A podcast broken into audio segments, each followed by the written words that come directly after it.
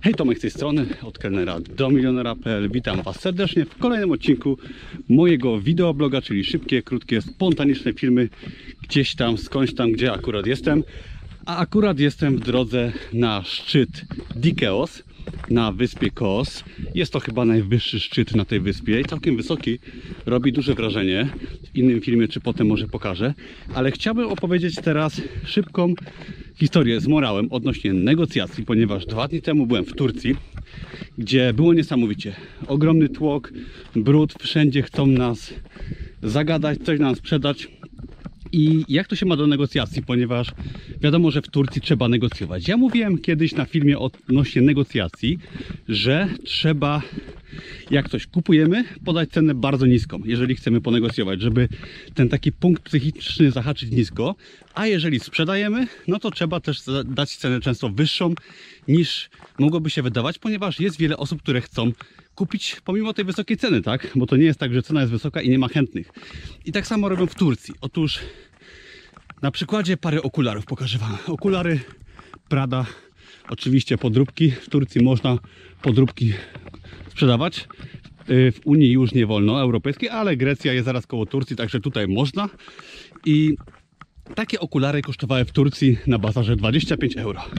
Ja powiedziałem panu, że dam 5 euro. Pan się obraził niesamowicie, powiedział, że za tyle można kupić kole. No i powiedział, że okej, okej, z obrazą 15. Wyszedłem stamtąd, podziękowałem panu i jak się okazało, tutaj w Grecji takie same okulary za 5 euro. I o czym to świadczy? Gdybym ponegocjował z tamtym panem w Turcji i do 15 euro, obrażając go wręcz, przynajmniej on takie wrażenie sprawiał, wciąż zapłaciłbym zbyt wysoką cenę. A po prostu próbując w różnych miejscach kupić coś, porównując ceny, można się dowiedzieć, że często możemy zapłacić o wiele mniej. Tak samo, że możemy też sprzedać coś drożej. I chodzi o to, że jeżeli coś negocjujemy, nie bójmy się podać ceny podczas negocjacji o wiele niższej niż ta jest przedstawiana, ponieważ często sprzedający się może zgodzić na tą cenę o wiele niższą, a z perspektywy osoby, która sprzedaje, jak widzisz, można też na przykład podać cenę o wiele wyższą i dzięki temu też sprzedać coś z ogromnym zyskiem i nie ma co się bać, ponieważ często są chętni.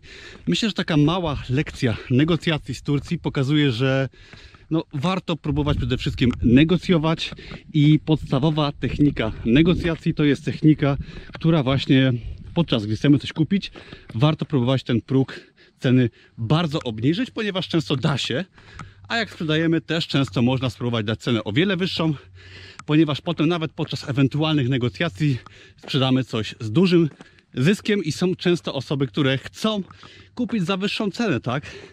Tak jak na tamtym bazarze pewnie większość osób nawet nie negocjuje tak agresywnie, podając bardzo niską cenę jak ja i kupują po cenie powiedzmy 20 euro okulary, które tutaj są sprzedawane zyskiem za 5 euro.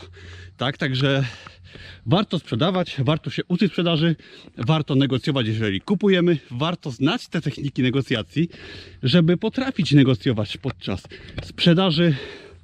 Wybaczcie, kondycja troszeczkę już nie ta podczas kupna, ponieważ po prostu życie na tym polega. Negocjujemy w pracy, w swojej firmie, podczas zakupu, podczas sprzedawania i warto po prostu te podstawowe techniki znać.